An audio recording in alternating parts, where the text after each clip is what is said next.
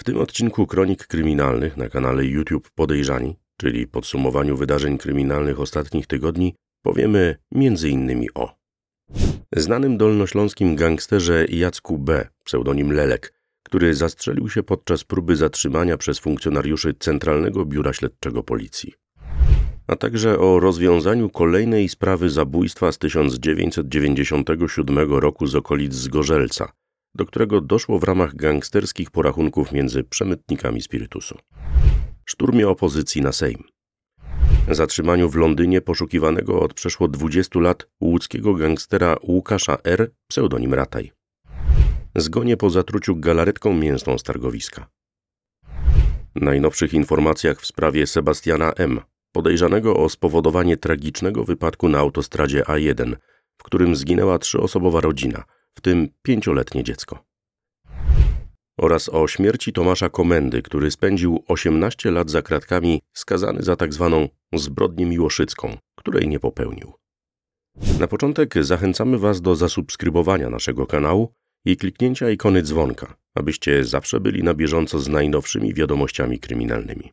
Podyskutujecie o nich także na naszych kontach w innych serwisach społecznościowych. Linki znajdziecie w opisie tego odcinka. Zapraszamy.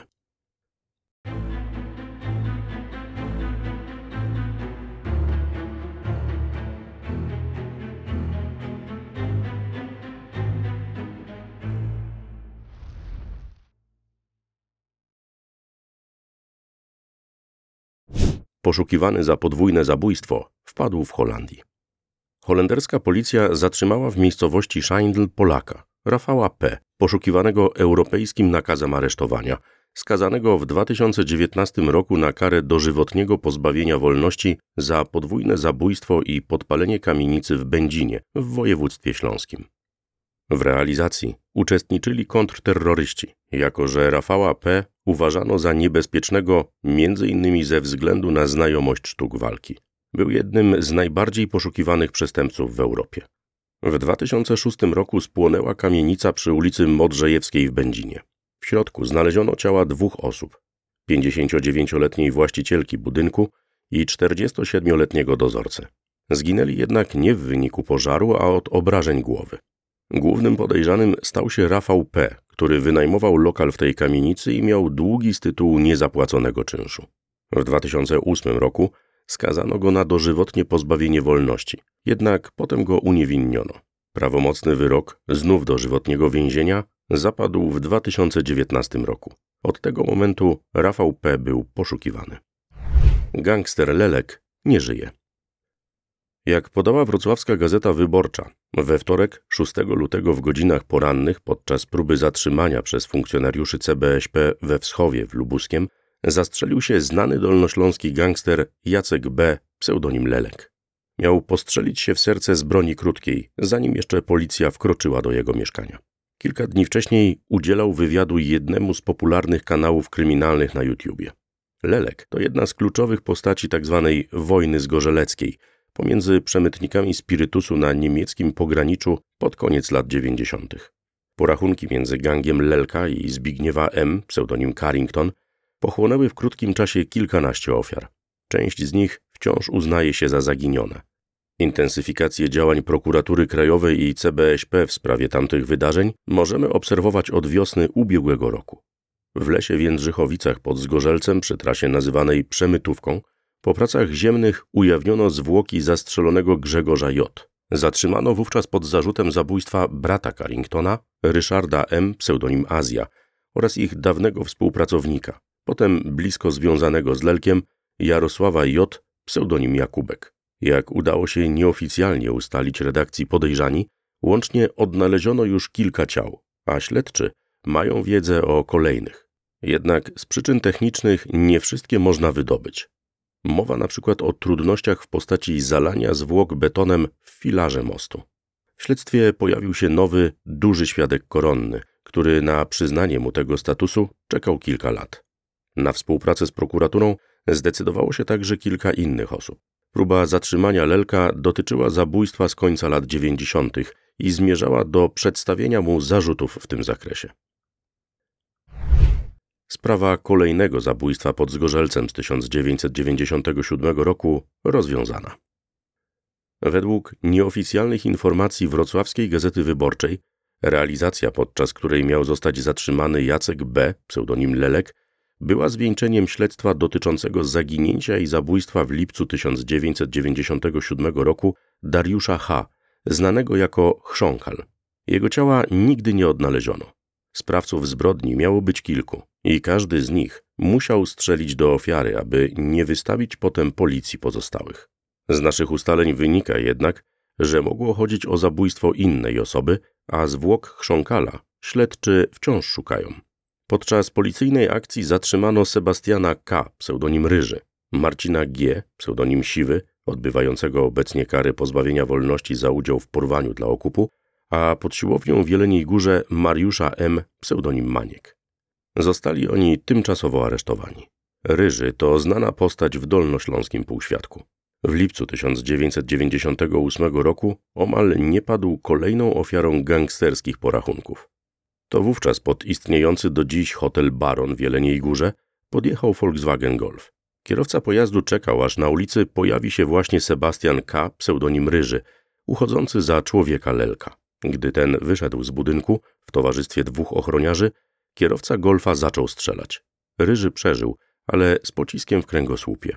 Zamachowcami byli Aleksander J., pseudonim Pasza, znany z zabójstwa w Wigilię 1997 roku Ireneusza J., pseudonim Gruby Irek, jednego z liderów łódzkiej ośmiornicy, i jego kolega Ukrainiec Andrzej. Szturm opozycji na Sejm. W środę 7 lutego posłowie Prawa i Sprawiedliwości próbowali siłowo wprowadzić do gmachu Sejmu polityków Mariusza Kamińskiego oraz Macieja Wąsika, którzy w związku z ich prawomocnym skazaniem za przekroczenie uprawnień i fałszerstwo dokumentów w tzw. Tak aferze gruntowej stracili zgodnie z przepisami kodeksu wyborczego mandaty poselskie, mimo zastosowania wobec nich prawa łaski przez prezydenta Andrzeja Dudę. O kwestii ich statusu posłów odmiennie wypowiadały się różne izby Sądu Najwyższego. Informacja o wygaśnięciu mandatu Mariusza Kamińskiego pojawiła się już w monitorze polskim, a Państwowa Komisja Wyborcza wskazała kandydatów, którzy uzyskali na listach PiS najwyższe wyniki po Kamińskim w październikowych wyborach parlamentarnych. Podczas szturmu na Sejm na początku lutego doszło do przepychanek ze Strażą Marszałkowską. Marszałek Sejmu Szymon Hołownia zapowiedział kary finansowe wobec posłów, którzy wzięli udział w tym zdarzeniu. Mowa m.in. o Antonim Macierewiczu, który nazwał potem działania marszałka bezprawiem. W gronie podejrzanych znalazła się także posłanka Katarzyna Sujka. Jednak ostatecznie marszałek Sejmu musiał przyznać, że pomylono ją na nagraniach z zajścia z inną posłanką i przeprosił Sujkę. W sprawie szturmu na Sejm rozważano również zawiadomienie prokuratury o podejrzeniu popełnienia przestępstwa. Tymczasem kary finansowe zatwierdziło prezydium Sejmu. Siedem osób, w tym dwie posłanki, pozbawiono diety poselskiej na trzy miesiące. To najwyższy możliwy wymiar kary. Od decyzji prezydium Sejmu przysługuje odwołanie. Sam Hołownia stwierdził, że Kamiński i Wąsik mogą wejść do gmachu Sejmu, jeśli tylko zgłoszą się po odpowiednie przepustki dla byłych posłów lub osób odwiedzających, ale nie jako aktywni posłowie. Brutalne zabójstwo w Tomaszowie Mazowieckim. W czwartek 15 lutego w godzinach porannych jeden z mieszkańców znalazł na klatce schodowej kamienicy ciało kobiety. Okazała się nią 38-letnia Ukrainka. Jak ustaliła nieoficjalnie redakcja kanału Podejrzani, na ciele miała wiele ran kłutych i poderżnięte gardło. Do sprawy trzy godziny po zbrodni zatrzymano Aleksandra V., obywatela Ukrainy. Usłyszał zarzut dokonania zabójstwa ze szczególnym okrucieństwem. Został tymczasowo aresztowany na trzy miesiące. Grozi mu nawet dożywotnie pozbawienie wolności. Łódzki gangster Rataj wpadł w Londynie po ponad 20 latach. W styczniu w Londynie zatrzymano 46-letniego Polaka posiadającego obywatelstwo Wielkiej Brytanii, właściciela dwóch gorzelni whisky. Niewiele później okazało się, że to Łukasz R., pseudonim Rataj, poszukiwany przez polskie służby do sprawy zabójstwa, do którego doszło w 1997 roku w ramach gangsterskich porachunków. Rataja podejrzewa się o to, że dostarczył sprawcy broń, karabinek AK-47 wraz z amunicją, która posłużyła potem do dokonania zbrodni. Łukasz R. karierę przestępczą rozpoczynał jako złodziej, Później stał się członkiem jednego z gangów. To on miał podłożyć ładunek wybuchowy pod film pubem przy ulicy 6 sierpnia w Łodzi. Pod koniec lat 90. usłyszał wyrok 6 lat pozbawienia wolności za rozbój. Na początku 2002 roku wyszedł na wolność ze względów zdrowotnych. Miał poddać się operacji. Nie zrobił jednak tego, za to w maju wystąpił w zawodach zapaśniczych i stanął na czele gangu dokonującego porwań dla okupu. Już w sierpniu został zatrzymany wraz z innymi gangsterami w Spale, gdzie doszło do strzelaniny między zwaśnionymi grupami przestępczymi. Tym razem również szybko odzyskał wolność, bo w 2003 roku i zapadł się pod ziemię. Wiadomo już, że wyjechał do Wielkiej Brytanii, gdzie funkcjonował pod zmienionym nazwiskiem. Założył rodzinę, ma żonę i dzieci, a w 2015 roku założył pierwszą od 100 lat gorzelnię whisky w Wielkiej Brytanii, bazując na domowych recepturach pędzenia bimbru. Strona polska wystąpiła z wnioskiem o ekstradycję. Brytyjscy prawnicy zapewniają, że Rataj od lat prowadzi uczciwe życie i cieszy się dobrą opinią. Zgon po zatruciu galaretką mięsną z targowiska. Co najmniej trzy osoby zatruły się po spożyciu galaretki mięsnej domowej roboty zakupionej z samochodu na targowisku w Nowej Dębie. 54-letni obywatel Ukrainy, Jurij N. zmarł. Sekcja zwłok nie wykazała bezpośredniej przyczyny zgonu. Konieczne będzie wykonanie dodatkowych badań, m.in. toksykologicznych. Po nagłośnieniu przypadków zatruć do śledczych zgłosiły się dwie kolejne osoby, które zakupiły galaretkę na targowisku. Funkcjonariusze policji zabezpieczyli wyroby do dalszej analizy. Zatrzymali także dwie osoby, które sprzedawały galaretkę. To małżeństwo z Podmielca, 55-letnia Regina S. i 56-letni Wiesław S.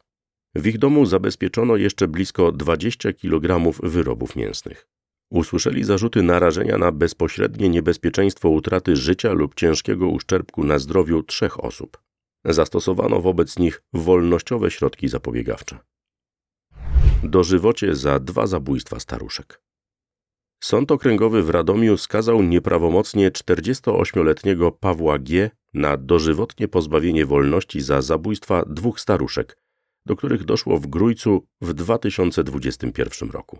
Sprawca w obu przypadkach znęcał się nad kobietami, a motywem zbrodni był rabunek. Wpadł w ręce śledczych w marcu 2022 roku. Nowe informacje w sprawie Sebastiana M. i tragedii na autostradzie A1. Polska prokuratura odbyła rozmowy z władzami Zjednoczonych Emiratów Arabskich, gdzie przebywa Sebastian M., podejrzany o spowodowanie przy zawrotnej prędkości co najmniej 253 km na godzinę tragicznego wypadku na autostradzie A1, w którym zginęła trzyosobowa rodzina, w tym pięcioletnie dziecko. Mężczyzna początkowo nie miał statusu podejrzanego.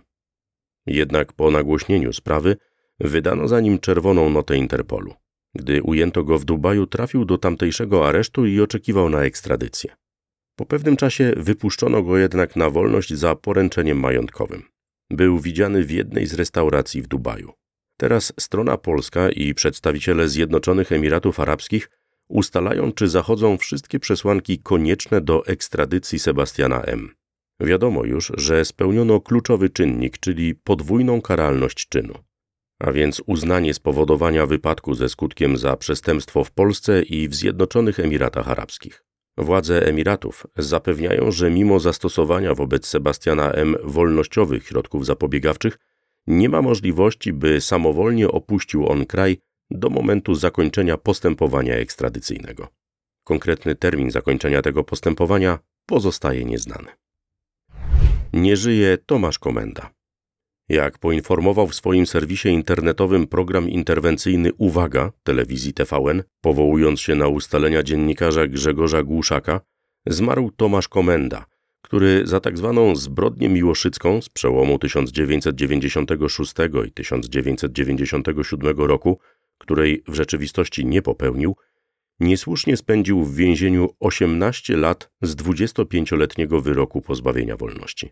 Komenda wolność odzyskał w marcu 2018 roku, a w lutym 2021 roku sąd przyznał mu 13 milionów złotych odszkodowania. Kilka miesięcy później za zbrodnię miłoszycką skazano na 25 lat Ireneusza M., a na 15 lat więzienia Norberta Basiurę. Wyrok stał się już prawomocny. Zdaniem śledczych w zdarzeniu brał jeszcze udział trzeci, nieustalony do dziś sprawca. Postępowanie w sprawie niesłusznego skazania Tomasza Komendy umorzono. On sam w ostatnich latach chorował na nieoperacyjnego raka płuc. Poddawał się chemioterapii. Miał 47 lat. Na koniec wydania wiadomość, która dotarła do nas po zakończeniu realizacji tego materiału. Łowca nastolatek skazany. W czwartek 22 lutego Krystian W. pseudonim Krystek, znany jako łowca nastolatek, został po niejawnym procesie dotyczącym wykorzystywania nieletnich dziewczyn w dawnym sopockim klubie Zatoka Sztuki skazany na 15 lat pozbawienia wolności. Jego ówczesnego szefa, Marcina T., pseudonim Turek, sąd skazał na 5 lat więzienia za 5 przestępstw seksualnych, których ofiarami również były nieletnie dziewczyny. Najmłodsza z nich miała 14 lat. Wyrok nie jest prawomocny. Śledztwo trwało od 2015 roku, a proces ruszył 4 lata później. Krystkowi zarzucono 65 przestępstw, w tym 40 napaści seksualnych. Tylko trzy z ofiar były pełnoletnie, a pięć nie miało nawet ukończonego 15 roku życia. Ostatecznie uznano go za winnego 63 czynów. Ani Krystian W., ani Marcin T. nie przyznawali się do winy. Szerzej o sprawie Krystka i Zatoki Sztuki pisałem w moim ubiegłorocznym artykule dla serwisu Gazeta.pl na temat zaginięcia Iwony Wieczorek. To wszystko na dzisiaj. Jeśli zainteresowały Was te kroniki kryminalne, zachęcamy do oglądania kolejnych wydań tej serii. Możecie też zostawić pod tym materiałem łapkę w górę i podzielić się swoimi opiniami w komentarzach poniżej. Zapraszamy także do zasubskrybowania kanałów Podejrzani oraz Kryminalne Opowieści Świat i kliknięcia ikony dzwonka, aby nie przegapić żadnych nowych materiałów. Podsumowania wydarzeń kryminalnych lutego można posłuchać w formie podcastu Kryminalne Opowieści na platformach Spotify, Apple Podcast oraz MPGO.